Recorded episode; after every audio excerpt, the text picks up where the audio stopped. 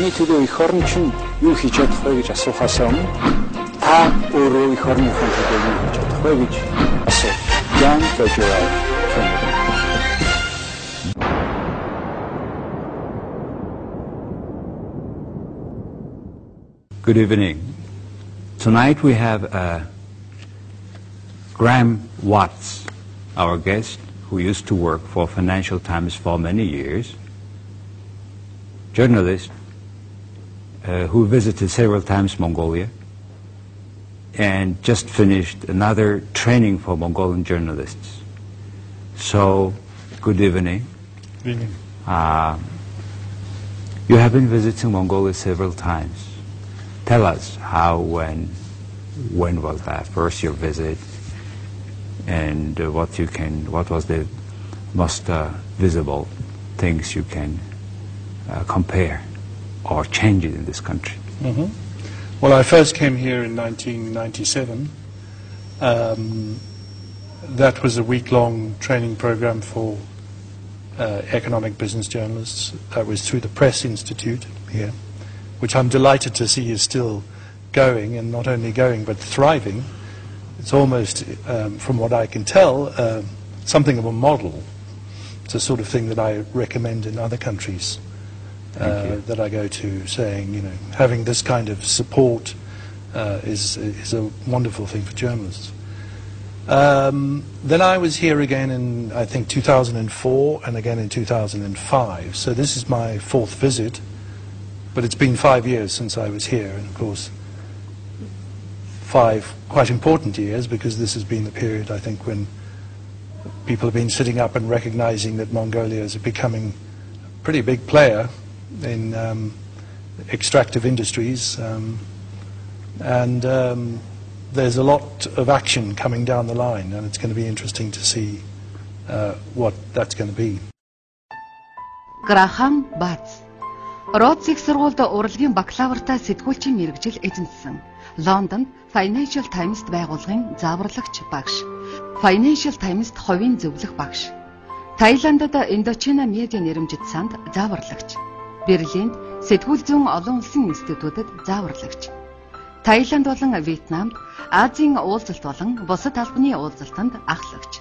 Хельсинкид эдийн засгийн их сургууль, Ханкенд урилгаар лекц уншигч. Таиланд болон Мянмарт зааварлагч. Лондонд Сити их сургуульд сэтгүүл зүй болоод олон нийтийн харилцаанд лекц уншигч. Висконсинд Мэдисоны их сургуульд сэтгүүл зүйн магистрийн туслах. Ажиллаж байсан улсууд Хятад, Энтхэг, Индонез, Кен, Малайз, Монгол, Мянмар, Нигер, Пакистан, Филипп, Сингапур, Өмнөд Африк, Швейцар, Таиланд, Вьетнам, Замбия, Зимбабве. 2008 онд Умеш Рамакришнаны дээш гарах цахилгаан шат үгүй. Редактор 2008 онд Жорж Магнусын хөгшрөх үеийн зөвлөх редактор. 2008 онд Жозеф Евстиглиц болон Линда Белнисийн 3 тэрбумын дайны зөвлөх редактор. We became Mongolia for a while. Mongolia, I've read that, yes, that concept. 13 years, uh, which is quite important years for this country, young democracy. And in terms of democracy, uh, well, there is a quite much uh, freedom of speech. We enjoy it. do you see any? If you compare, you ha- you have been living in, you are you are living in uh, Bangkok. That's right. If you compare these two countries in these terms of uh, freedom of speech and media, what is your first impression? Well, my, uh, my first impression is probably um, partly influenced by you, because before coming here, I was obviously reading a lot uh, online and uh, whatever I could get my hands on, uh, including your blog and your, your column in uh, the papers here. And um, I was delighted to see uh, the, um, the energy um, and the apparently pretty free ideas that you express. Um, uh, this is less evident in the um, in the reporting itself um, that goes on in in the newspapers that I am able to read, and those stories which have been translated for me. Um, I, I get the impression that there's a lot less um, uh, uh, use of that freedom than there might be, uh, which is not unlike what I experience in other developing countries, where journalists have the freedom, uh, but often don't have the skills or the institutional support that would allow them to express that freedom more. And I, by freedom, I'm not talking so much about being critical and criticizing your government, but actually um, making use of the opportunities you have to uh, uh, present not only information, but analyze that information and uh, contribute to uh, the financial literacy of a society. Uh, so I, I, I saw that, I see that as being less developed than it, than it perhaps might be. Why you think it is in this way? Well, in most cases, it's because the, the media institutions themselves uh, are, are, are weak for various reasons. Um, often th- that weakness is, is because of their uh, lack of commercial viability in some coun- countries. Uh, although th- that doesn't seem to be the case here. What surprised me more than anything else to see how many daily newspapers there are. I mean, I think everybody knows Mongolia is a big country, um, but sometimes one has to be reminded that, uh, in fact, the population's pretty small. And to see, what is it, 16, I believe, even possibly 17 soon, uh, daily newspapers in a country this size is remarkable. Uh, what that seems to do uh, is it kind of spreads the, the, the, the talent too thinly. Um, and um, had, if that were a little more concentrated, I think um, journalists would be given uh, more support. Um, by that I mean better pay, for example, better resources to be able to do their jobs better. Is it because uh, there is a less competition, or it is not saturation of market, or still so much freedom to spread away? Well, I mean, it would seem with 16 newspapers that's, in a way, too much competition. Um, so it puzzles me as to why, that, why that's the case, but as far as I can make out, uh, this is, again, not unusual. Uh, I saw this in Cambodia, for example, after uh, Cambodia became democratic, there was a sudden huge uh, mushrooming of newspapers, um, which is not unusual because I guess people like to express their, their, their, their fr- that freedom.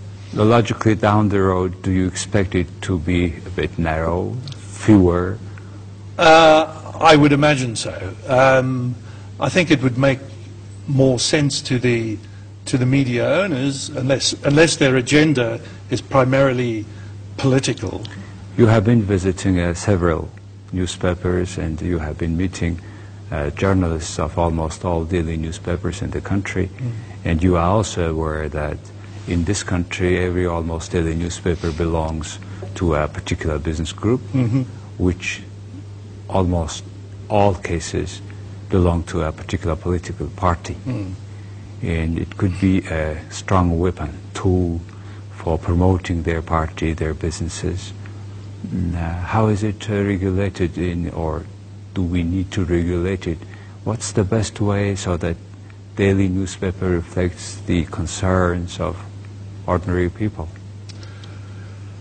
Well, I think um, regulating media is a is a difficult area. Um, I think you would find journalists and uh, media owners in most countries saying, "We don't want government uh, involved in regulation. If there's any regulation to be done, uh, it should be self-regulation by us."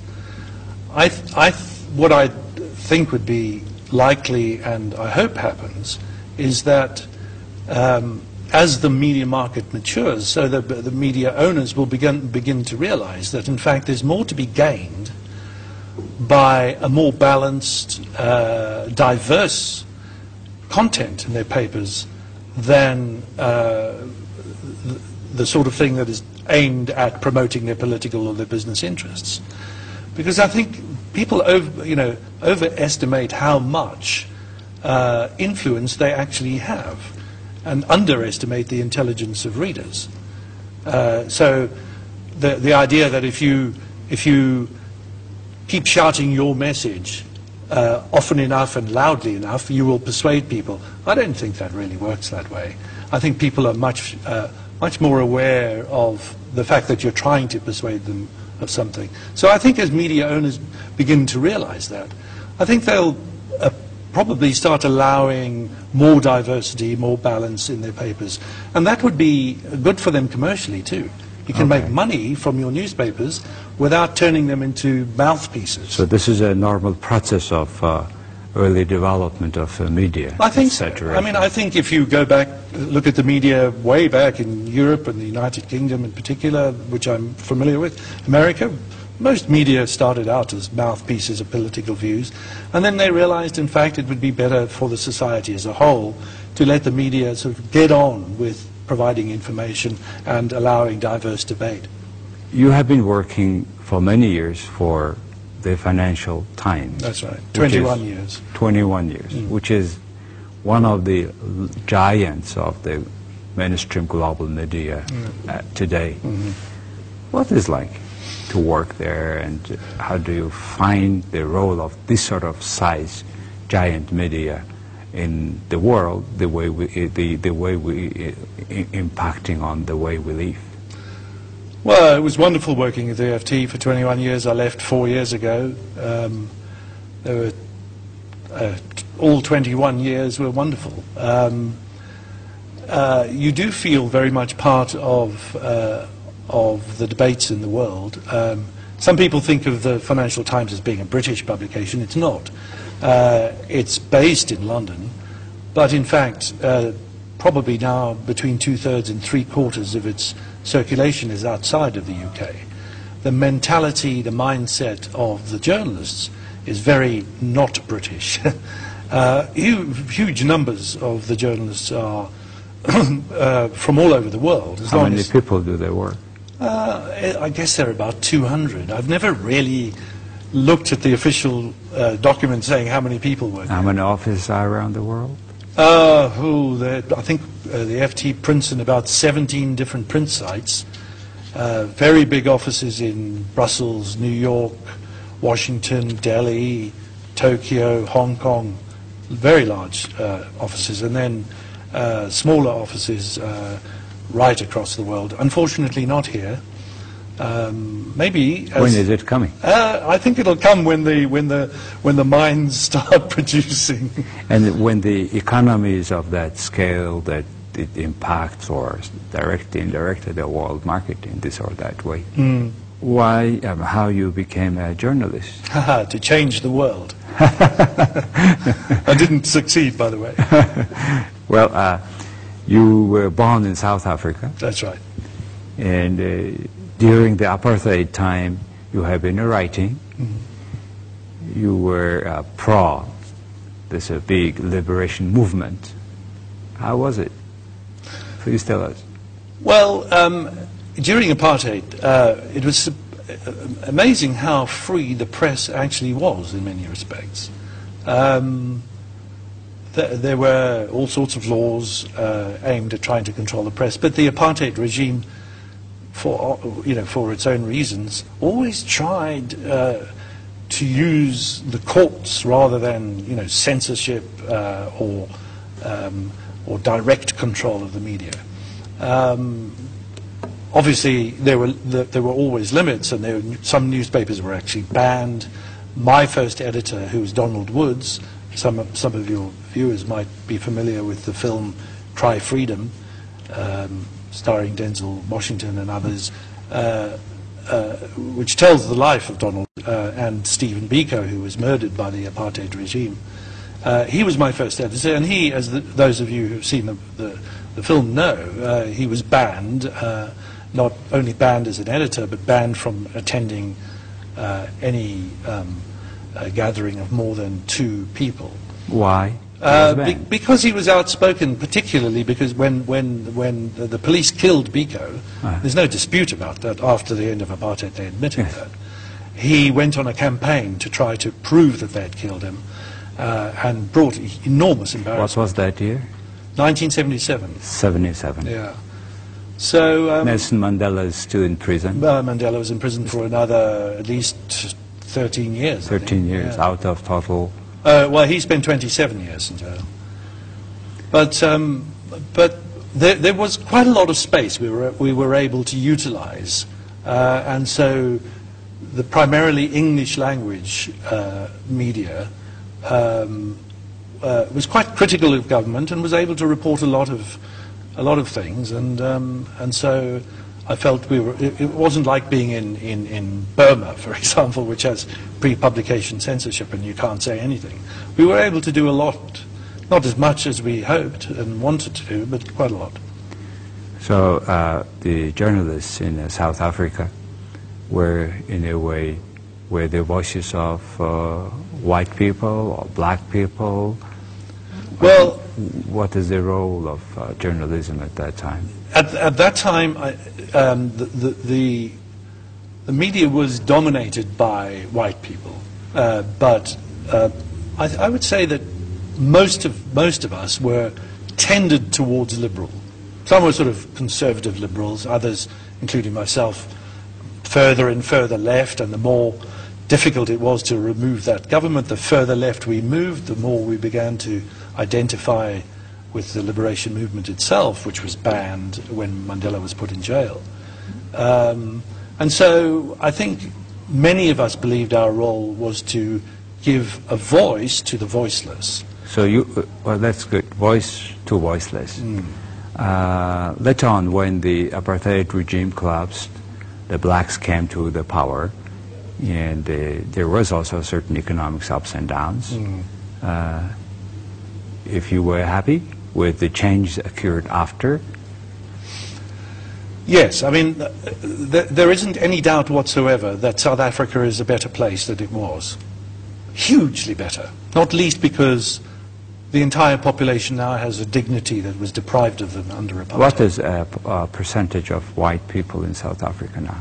Uh, it's only about uh, 5 million out of 45 million, whatever that percentage is. Uh, it's around 10%, yeah. lower than 10%, I guess. Yeah. Um, uh, they still play the, the largest role in commerce and industry and business, but there's a, there's a very rapidly growing black middle class. Um, but unfortunately, that black middle class and the politicians in power, those who succeeded Mandela, have kind of lost sight of the fact that there's a lot of other people whose lives have not changed materially. but dignity is changed. But it is not to that extent like in Zimbabwe No, currently. no, not anywhere near like that. South Africa is a, is a, is a, is a pretty thriving, healthy, democratic country, and the media is very, very vocal, very, very free. Over uh, maybe 20 years ago, I visited Zimbabwe. Oh, yeah. That time, uh, current President Mugabe was a prime minister, Mm. And I was uh, stunned with the services the people were receiving around the University of Harare. Mhm. There were uh, a man who was bringing milk to each household there. Right. So I was so shocked Mm. about their living standard.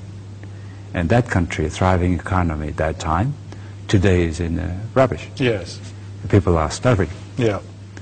So, uh, see the combination in South Africa, in Zimbabwe, the ratio of black and white, and their relations. Uh, so, uh, obviously, media had played an important role in this huge change, and still to play there.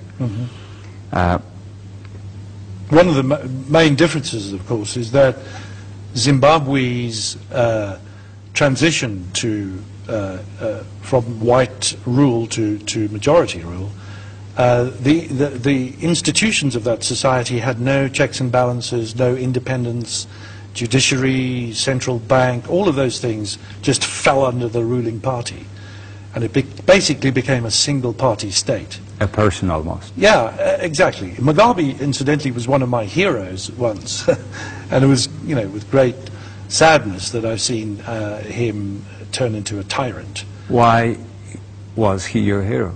Uh, because he um, he stood up uh, bravely against uh, the regime that jailed him while he was in jail for seven years or something. He did two PhDs. I mean, he's an impressive. He's got an impressive brain. Intelligent man. Yeah, but but if you give him if you give a man power for so long, unrestrained power, and surround him by people who say yes sir, yes sir, he becomes a tyrant. This has happened throughout history. Power is corrupt. power corrupts. Absolute power is absolute absolutely- power, and he has absolute power has corrupted him absolutely.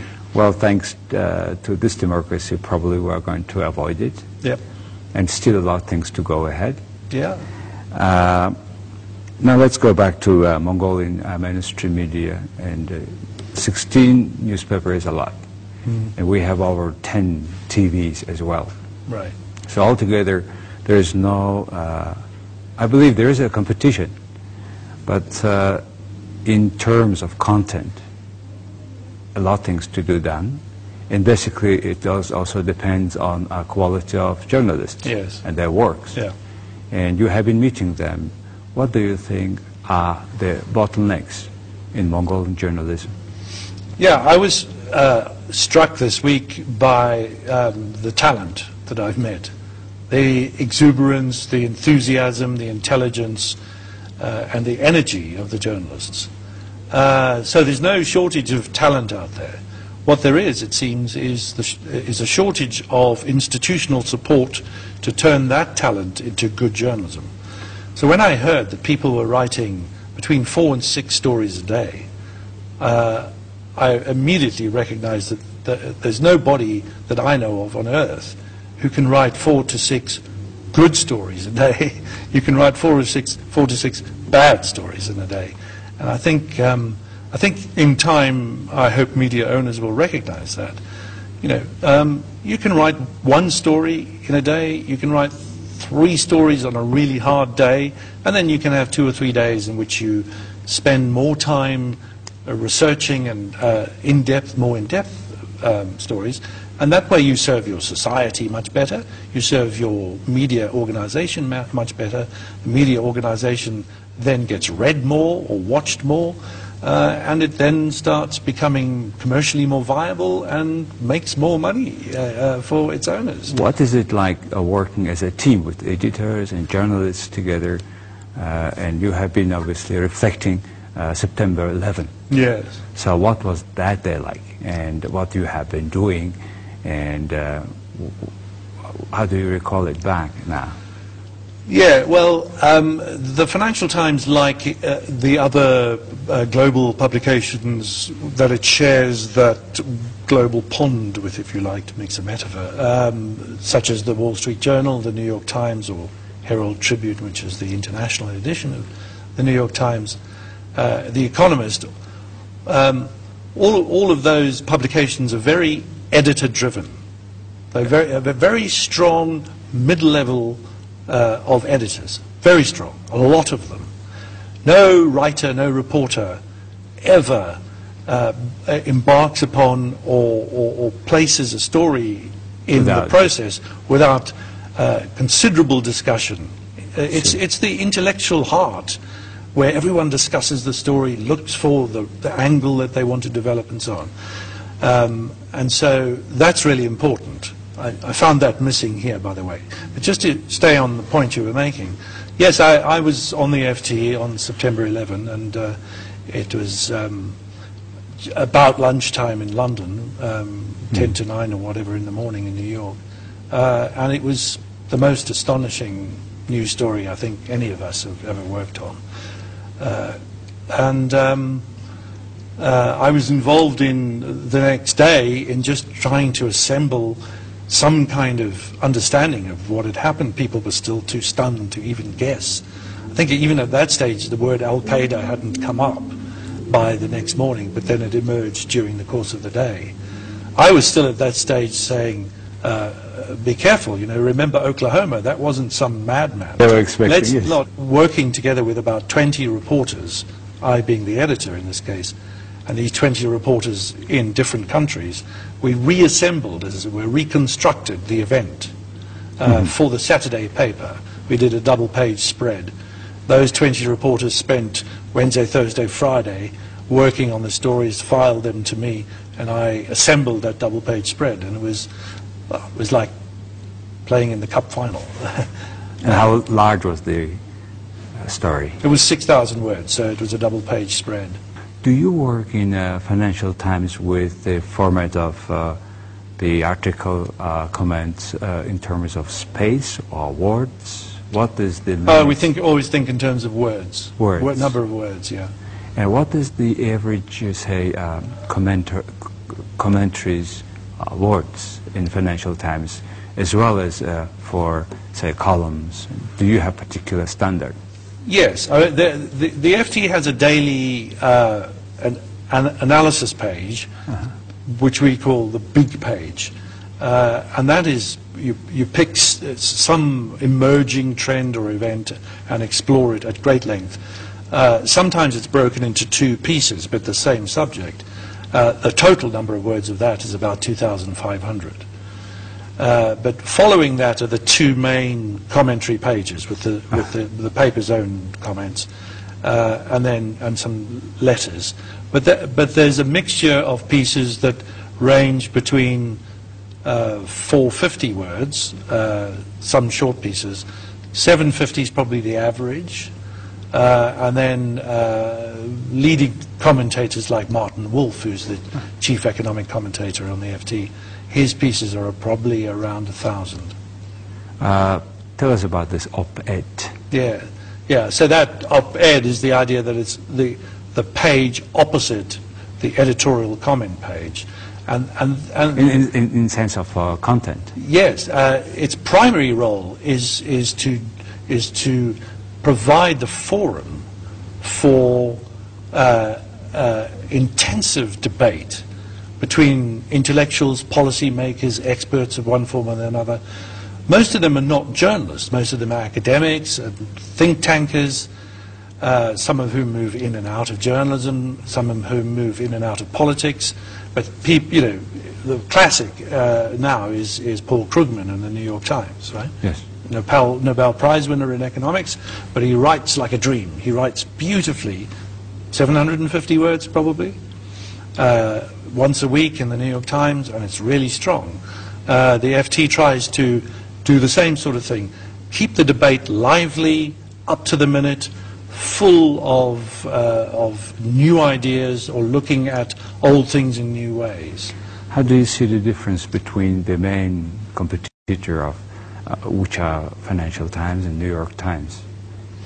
Why would people to select one or another? What a difference? Um, position. Uh, right, interesting question. Uh, the New York Times is probably the most beautifully written daily newspaper in the world. Eloquent. In the English language. Uh, beautifully constructed uh, stories, very uh, long, researching, well edited, and so on. Um, but its, its, agenda, its news agenda is less economic and financial than the FT. Uh-huh. Uh, the FT, uh, despite its name, Financial Times, doesn't uh, define its, its agenda as financial. It defines its, its agenda as all those things happening in the world which are very important for policymakers, uh, including businessmen, uh, that they should know about, right? And, and should know about in, in depth and with understanding. And of course, the world being the world, much of that is economics and business. Uh, there is also a very uh, nice section at weekends of Financial Yes, Times. yes, yes. And uh, how do you compare that weekend issues with the ordinary days issues? And does it change? Does it uh, uh, sway your audience? Yes, um, well, my last four years at the FT, I, I worked in the weekend section as the editor of the Colour magazine. Wonderful sections, by the way. Ah, thank you. Um, and I loved it. I, I had 17 years in, in daily news, and then the last four years in what might be called literary journalism, uh, which I loved. You know, telling stories, long stories, still journalism, in a narrative form, uh, covering books, arts, theatre. Uh, it was wonderful. And th- the audience was quite different in some respects. The overlap was probably about 60, 70 percent. But it's, it was the, it's the FT's readership at leisure, and they wanted to be intelligently entertained. Uh, International Herald Tribune. those are three newspapers you will um, meet, find, obviously, every morning in any global city, Yeah. in any global city. Uh, in terms of International Herald Tribune, how do you see the difference? Well, the Herald Tribune uh, being the sort of international edition of the New York Times, since the New York Times bought out the Washington Post's share, it is es- essentially the New York Times uh, without the American bias. So its, its, uh, its world agenda is also quite strongly economic. I mean, they do a lot, a lot of economic reporting. Um, uh, I think, um, but but they still, you know, it's still the slightly softer, still the slightly more political uh, side of things than than the Financial Times is. Uh, well, while you are here, this time and last time, you obviously have seen uh, Mongolian uh, content in English, which is not that big. And I think our exporters are not able to receive uh, fresh news in uh, English all the time. In that sense, what do you see the future of uh, English uh, paper in the country? Well, I, I would imagine that over time there will be greater demand uh, for uh, news, news and, and understanding, if you like, which is going beyond news into analysis and to the op-ed type sort of thing I was talking about. Greater demand for that in English, not because everybody is English, but because Germans read English and Swedes read Yes, English and ah. Chinese will read English. Uh, so there'll be a, a, a cosmopolitan, as it were, demand for information about Mongolia that's not in Mongolian, because not many of us read it. So I would, I would have thought there's, a, there's scope for that. Uh, can you compare with, uh, obviously, with Bangkok Post? Yeah. And there's The Nation, also another English yeah. newspaper. So two, two English language papers. what are their uh, uh, difference and interaction with other local Thai language newspaper in Thailand? Well, well, both of them are regarded uh, as being um, uh, more serious, with more balanced uh, news agenda than the Thai media, which is a bit more anarchic and more inclined to mix comment in the middle of news and so on. So both the Bangkok Post and the Nation are seen as being the, the, the more reliable sources. The Bangkok Post slogan is the newspaper you can trust. And so uh, more than 60% of the Bangkok Post's readership is actually Thai. Who are they? Yeah, because they would rather read it than the Thai media, which they trust less. Oh, I see. Uh, see, now the newspaper actually on a paper and uh, virtual, online. Yeah. How do you see the future and what is going on now in terms of the mainstream global newspaper Yeah. and the, the sort of local newspaper? Well, I wish I knew because everybody's trying to find out what this is, but I think there's, m- there's more and more evidence now that, um, that newspapers uh, are not going to disappear, but, but online is going to increasingly become uh, the way in which people receive their information. I mean, if you, if you look at an iPad, which I've done, and just look at, pick up the New York Times on, on iPad, uh, it's fabulous. It's great to read. Um, and, and the fact that it's electronic means that you have instant archiving, you can link and connect in ways that you can't with a newspaper. Uh, Rupert Murdoch, who's, uh, who knows what he's talking about, he's been in this business a long time and he's made a lot of success out of it. Uh, he's, he's saying that these uh, e-readers, iPads, are actually transforming uh, the world of journalism, and that's where he's putting a lot of his uh, attention. Um, and I think that'll be the case. There will still be people who like to open their newspaper over a cup of coffee. I'm one of them, but I can tell you I, I do more of my reading online than I do in physical form. Who are you? Yeah, I, um, I read the financial. I can get the Financial Times in Bangkok uh, in paper form, but I take it online uh, because I love the idea that if I want to read more about the thing I'm reading, I just click. Anytime Whereas you, when you need. Yeah, but if I'm physically holding the newspaper, I can't, right? So it's um, the information I want, when I want it, where I want it. Uh, and, um, you know, I'm in my 50s. You know, um, those people who are in their 30s probably haven't ever picked up a newspaper. Okay. Well, uh, You have done a wonderful job for Mongolian journalism and journalists, and uh, had I understand the great days in Mongolia. Thank I've enjoyed it enormously. It's been great. I love talking about newspapers, and I love talking about newspapers with intelligent, bright, talented people, and it's been like that all week. Thank you very much for visiting us and doing uh, such a good contribution towards better journalism in this country. Well, thank you very much for having me. It's been wonderful. Thank you. Okay. Thank you. Таны төлөө эх орн чинь юу хийж чадах вэ гэж асуухаас өмнө та өөрөө эх орныхон төлөө юу хийж чадах вэ гэж асуу. Kajiraj from